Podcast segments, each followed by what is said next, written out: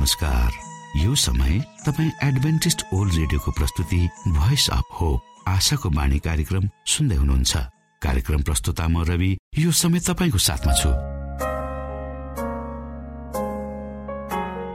आदरणीय श्रोता लाखौं करोडौं ध्वनि तरङ्गहरूको बीचमा भरोसा योग्य आशाका आत्मिक सन्देश सहित आशाको बाणी कार्यक्रम तपाईँको सामु आइपुगेको छ। यी तरङ्गमा शक्ति छ यी तरङ्गमा जीवित परमेश्वरको अनुग्रह छ। यो कार्यक्रमलाई सुन्न रोज्नुहुने समस्त श्रोता वर्गमा हामी आभार व्यक्त गर्दछौ। आजको कार्यक्रमबाट यहाँले प्रशस्त आशिष पाउन सक्नु भएको होस्। यही शुभेच्छा व्यक्त गर्दै सधैँ झै हामी हाम्रो मूल विषयतिर जानु अगाडि सुनौ यो मधुर क्रिस्टीय भजन।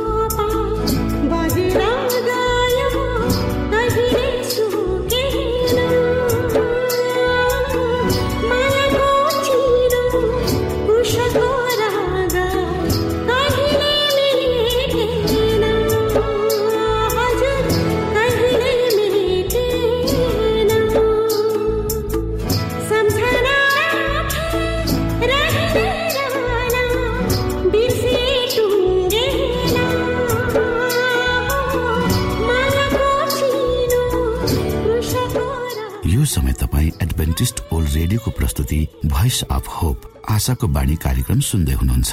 श्रोता मित्र यो समय हामी पास्टर उमेश पोखरेलबाट आजको बाइबल सन्देश सुन्नेछौ। श्रोत साथी न्यानो अभिवादन साथ म तपाईँको आफ्नै आफन्त अर्थात् पास्टर उमेश पोखरेल। परमेश्वरको वचन लिएर यो रेडियो कार्यक्रम मार्फत पुनः तपाईँहरूको बीचमा उपस्थित भएको छु। श्रोता मलाई आशा छ तपाईँले हाम्रा कार्यक्रमहरूलाई नियमित रूपमा सुन्दै हुनुहुन्छ र परमेश्वरका प्रशस्त आशिषहरू प्राप्त गर्दै हुनुहुन्छ। आउनुहोस् तपाईँ हामी केही समय परमेश्वर सँगसँगै बिताउ। आजको प्रस्तुतिलाई पस गर्नुभन्दा पहिले आउनुहोस् म परमेश्वरमा अगुवाईको लागि बिन्ती राख्नेछु। जीवी जिउँदो महान दयालु परमेश्वर प्रभु हामी धन्यवादी छौँ यो जीवन र जीवनमा दिनुभएका प्रशस्त आशिषहरूको लागि। प्रभु यो रेडियो कार्यक्रमलाई म तपाईँको हातमा राख्दछु। यसलाई तपाईँको राज्य र महिमाको प्रचारको खातिर यो देश र सारा संसारमा पुर्याउँछ ताकि धेरै आत्माहरू यो रेडियो कार्यक्रम मार्फत तपाईँको राज्यमा प्रवेश गर्न सक्नुहोस् त्यसबाट तपाईँको महिमा होस्। आमेन।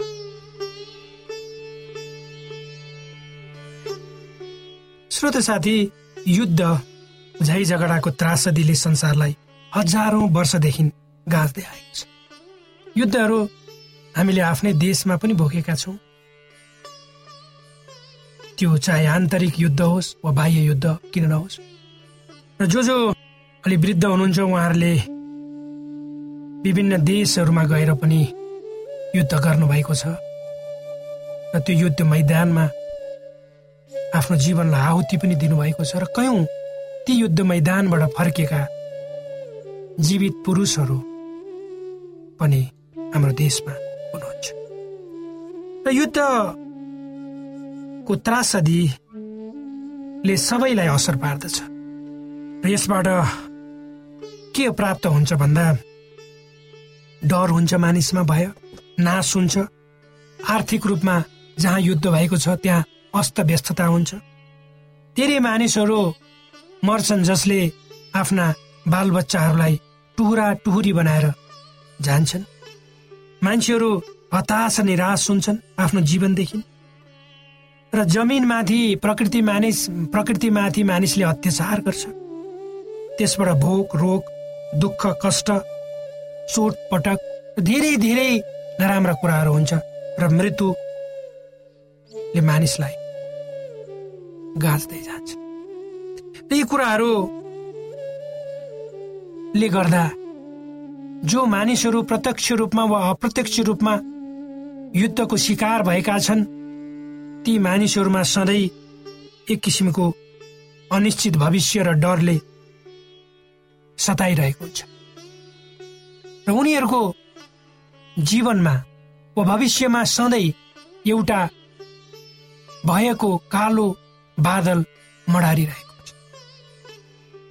सबै किसिमका रिसहरू घृणा प्रतिरोधात्मक भावना र र त्यसले ल्याउने युद्धहरू आज संसारलाई हेर संसारमा हेर्दाखेरि दिनानुदिन बढ्दै गएका छन्। र मानिस मानिस मानिस माथिको आफ्नो प्रभुत्व कायम गर्न विभिन्न नाउँमा आफूले आफूलाई नष्ट गर्दैछ। आफ्नो जीवनलाई बडो कष्टयुक्त मार्गमा जानेर वा नजानेर मानिसले धकेल्दैछ। हिजोभन्दा आज र आजभन्दा भोलि। धेरै बेसी के तपाईँ र मैले यो कुरालाई अनुभव गरेका छौँ? श्रोत साथी तपाईँ हामी यो युगमा बाँचेका मानिसहरूको जीवन हिजोभन्दा आज कठिन र कष्टकर हुँदै गएको के तपाईँले अनुभव गर्नुभएको छ वा सोच्नु भएको छ? यदि छैन भने केही समय निकालेर आफ्ना विगतका दिनहरूलाई केलाउने कोसिस गर्नुहोस्। र ती दिनहरू अहिलेको तुलनामा कति सरल र सहज थिए।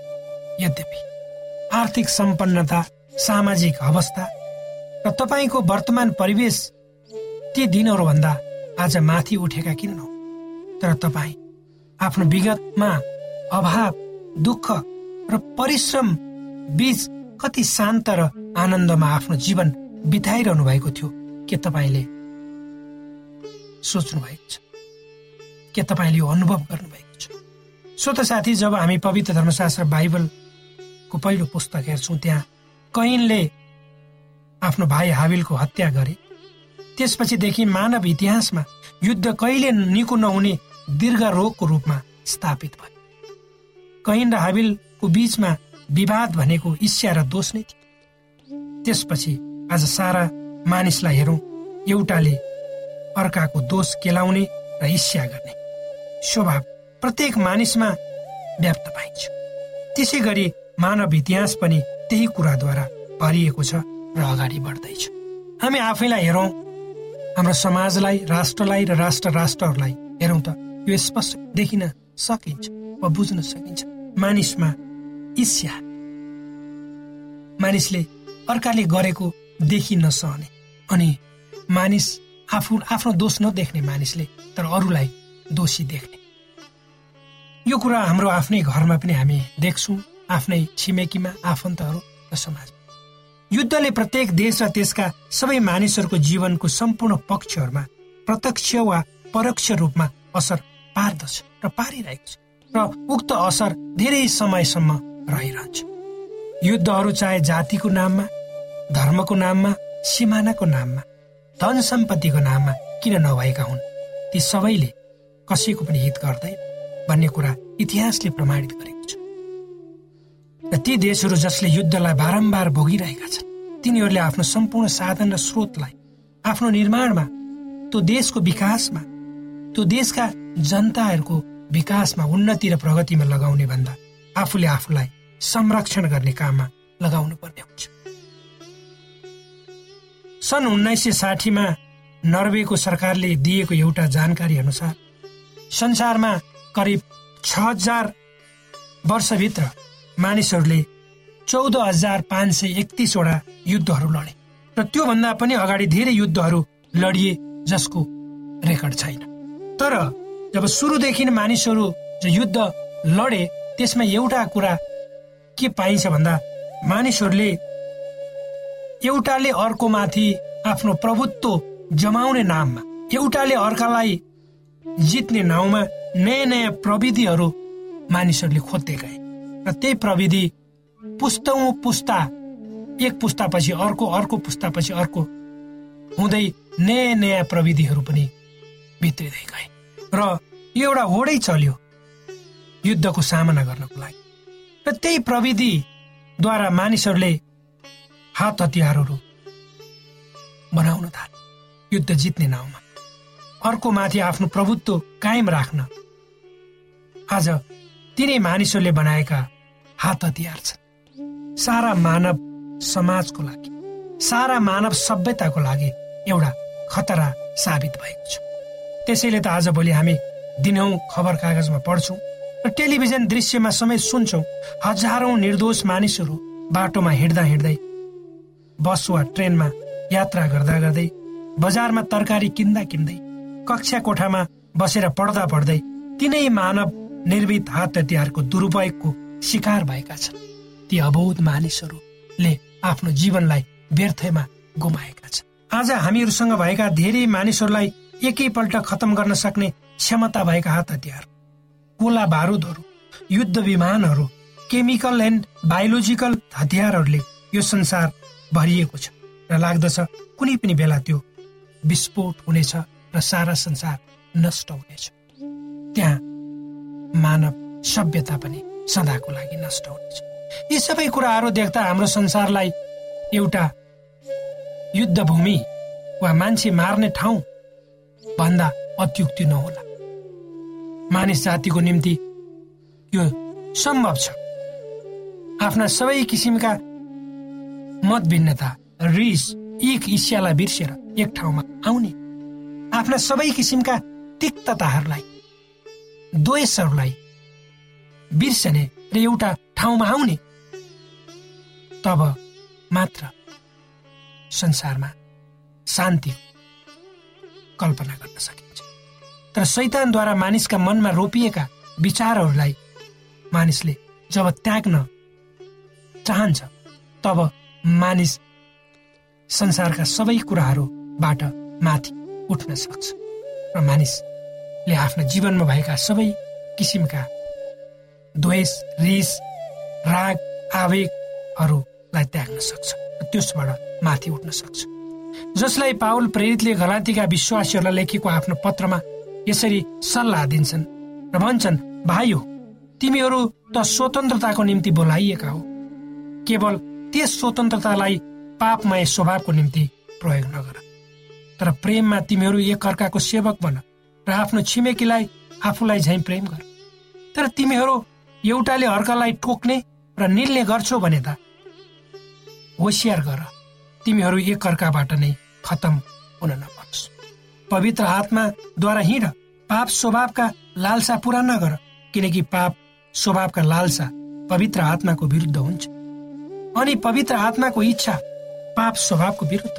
त्यसै गरी पाप स्वभावका कामहरू प्रत्यक्ष छन् भने उनी यसो भन्छ व्यविचार अपवित्रता लम्पटपना मूर्ति पूजा तन्त्र मन्त्र दुश्मनी झै झगडा ईर्ष्या क्रोध स्वार्थीपन फुट गुठबन्दी डाहा पियक्कडपन मोच मजा यस्तै अरू जसका विषयमा म तिमीहरूलाई चेतावनी दिन्छु।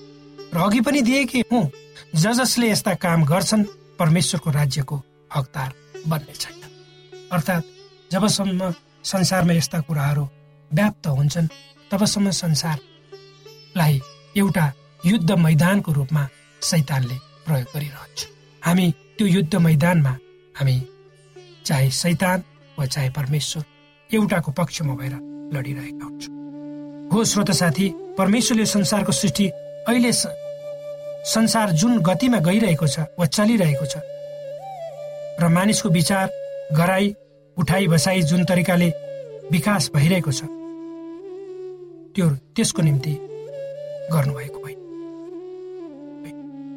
जब यो संसार परमेश्वरले सृष्टि गर्नुभएको थियो त्यो उहाँले अर्कै उद्देश्यको लागि गर्नुभएको थियो। तर आज मानिसको विचार त्यो उद्देश्य विपरीत भएको गएको हामी देखिरहेका छौँ।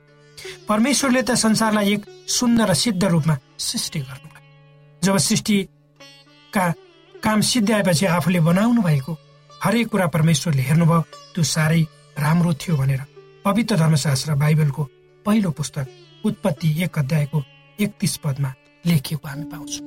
हो श्रोत साथी परमेश्वरको हातबाट जब यो सृष्टि आयो तब यो अर्कै थियो। जब मानिस पापमा पर्यो तब उसैको कारणले दिन प्रतिदिन उहाँको सृष्टि कुरूप हुँदै गयो। र विभिन्न क्षेत्रबाट सैतानले परमेश्वरको योजनालाई अथाभङ्ग बनाउन मानिसलाई नै मानिसको विरुद्धमा प्रयोग गर्यो। र गर्दैछ त्यसैले त आज हामी यो संसारको यस्तो अवस्था देखिरहेका छौँ। वा भोगिरहेका छौँ। परमेश्वरले संसारका सबै देशमा बस्ने मानिसहरूलाई निमन्त्रणा गरिरहनु भएको छ। धेरै मानिसहरू आफूलाई भाग्य मानिस सम्झन्छन् किनकि उनीहरूलाई स्वतन्त्रताको अधिकार दिएको छ। र उनीहरू सम्झन्छन् यो संसारलाई राम्रो र सुन्दर बनाउनु पर्छ निश्चय नै यो राम्रो कुरा हो। त्यसै गरी स्वतन्त्र समाज र त्यसका विश्वासलाई स्कुल कलेजमा पढाइन्छ जसले दुःख कष्ट चोटपटक नाश र मृत्यु जस्ता कुराहरूलाई बढुवा दिइरहेका हामी पाउँछौँ। तर मानव जाति परमेश्वर स्वरूपमा बनाइएको उनीहरूमा परमेश्वरको महिमित आत्मा हुनुपर्छ न कि एउटाले अर्काको विरुद्धमा काम गर्ने लडाईँ झगडा गर्ने मारकाट गर्ने। त्यसकारण हामी सबैले आफूलाई नै एउटा प्रश्न सोध्नु आवश्यक छ कि परमेश्वरले तपाईँ र मलाई यस्तै नराम्रा कुरा गर्नको निम्ति बनाउनु भयो उहाँले आफ्नै स्वरूपमा के हामी एकले अर्कालाई आक्रमण गर्नुपर्छ वा गरिरहनु पर्छ यस्ता धेरै प्रश्नहरू तपाईँ र मैले आज सोध्नुपर्ने बेला आएको छ। प्रभु येसु भन्नुहुन्छ मानिस वचनद्वारा जिउनुपर्छ न कि रोटी अर्थात् हाम्रो जीवन परमेश्वरको प्रत्येक वचनद्वारा निर्देशित र नियन्त्रित हुनुपर्छ।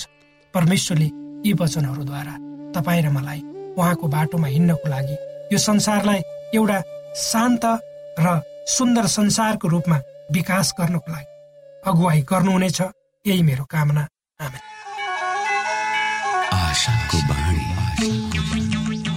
श्रोता भर्खरै यहाँले पास्टर उमेश पोखरेलबाट बाइबल वचन सुन्नुभयो। यो समय तपाईँ एडभेन्टिस्ट ओल्ड रेडियोको प्रस्तुति भोइस अफ होप आशाको बाणी कार्यक्रम सुन्दै हुनुहुन्छ। कार्यक्रम सुनेर बस्नुहुने सबै श्रोतालाई हामी हाम्रो कार्यक्रममा स्वागत गर्न चाहन्छौ। श्रोता मित्र यदि तपाईँ जीवनदेखि हरेस खानु भएको छ तपाईँका जीवनमा धेरै अनुत्तरित प्रश्नहरू छन् भने आउनुहोस् हामी तपाईँलाई परमेश्वरको ज्योतिमा डोहोऱ्याउन चाहन्छौँ र तपाईँ आफ्नो जीवनका चिन्ता फिक्रीबाट निश्चिन्त हुनुहोस् र बाँच्नुको आनन्द परमेश्वरको सामिप्यमा कति मिठो हुन्छ त्यो चाख्नुहोस् भनी हामी चाहन्छौँ। श्रोता यदि तपाईँ आशाको बाणी कार्यक्रमलाई अनलाइन सुन्न चाहनुहुन्छ वा डाउनलोड गर्न चाहनुहुन्छ भने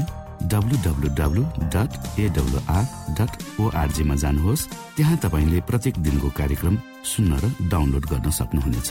हाम्रो वेब पेज यस प्रकार छ डब्लु डट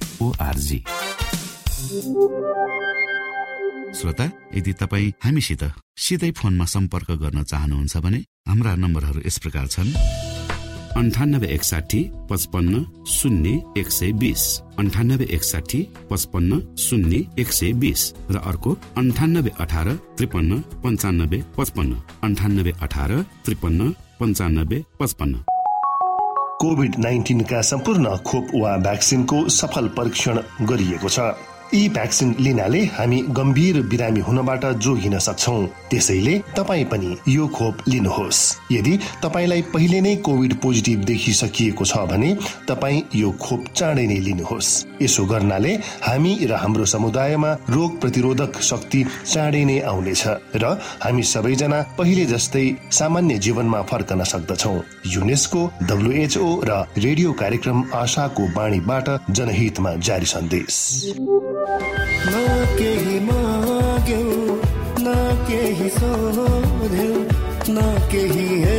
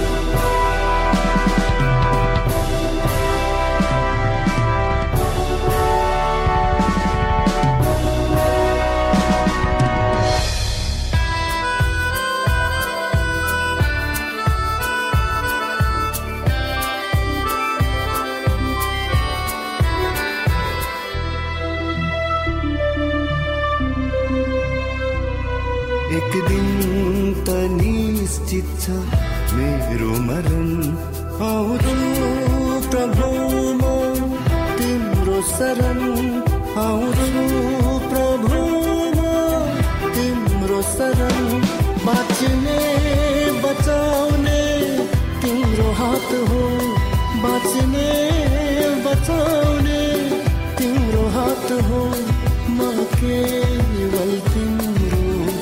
एउटा छाप हो म केवल तिम्रो। एउटा छाप हो न केही माग्यो न केही सोध्यो।